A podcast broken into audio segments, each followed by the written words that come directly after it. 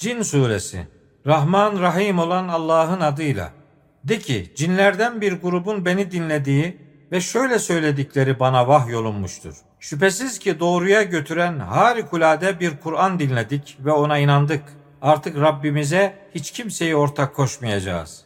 Eşi de çocuğu da olmayan Rabbimizin şanı çok yücedir. Şüphesiz ki içimizden bir beyinsiz Allah hakkında asılsız saçma sözler söylerdi. Biz hiçbir insan ve cinin Allah hakkında kesinlikle yalan söylemeyeceğini sanmıştık.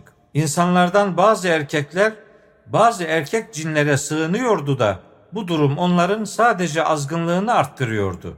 Onlar da sizin sandığınız gibi Allah'ın kimseyi kesinlikle elçi olarak göndermeyeceğini sanmışlardı.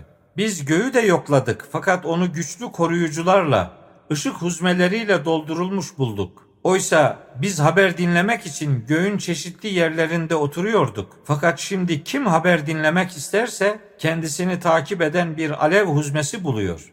Artık yeryüzündekilere kötülük mü edildiğini yoksa Rablerinin onlara bir hayır mı dilediğini bilemiyoruz. İçimizden iyiler de başkaları da var. Hepimiz türlü türlü yollar tutmuştuk. Allah'ı yeryüzünde asla etkisiz bırakamayacağımızı ve başka yere kaçmakla da onu aciz bırakamayacağımızı yani ondan kurtulamayacağımızı iyice anladık.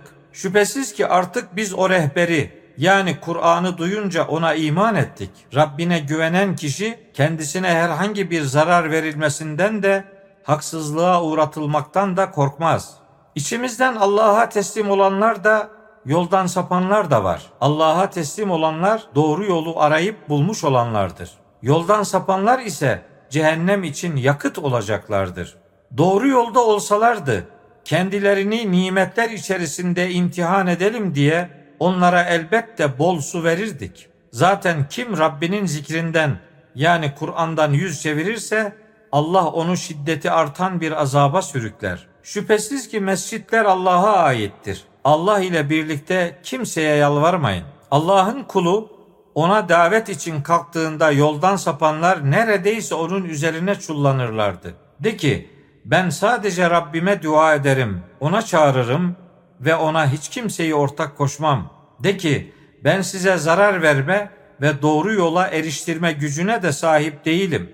De ki Allah'tan gelecek bir azaba karşı beni asla kimse koruyamaz. Ondan başka bir sığınak da kesinlikle bulamam. Benim görevim Allah'tan gelen ve onun mesajlarından oluşan emirleri sadece tebliğdir. Allah'a ve elçisine isyan eden kişiler için ebedi kalacakları cehennem ateşi vardır.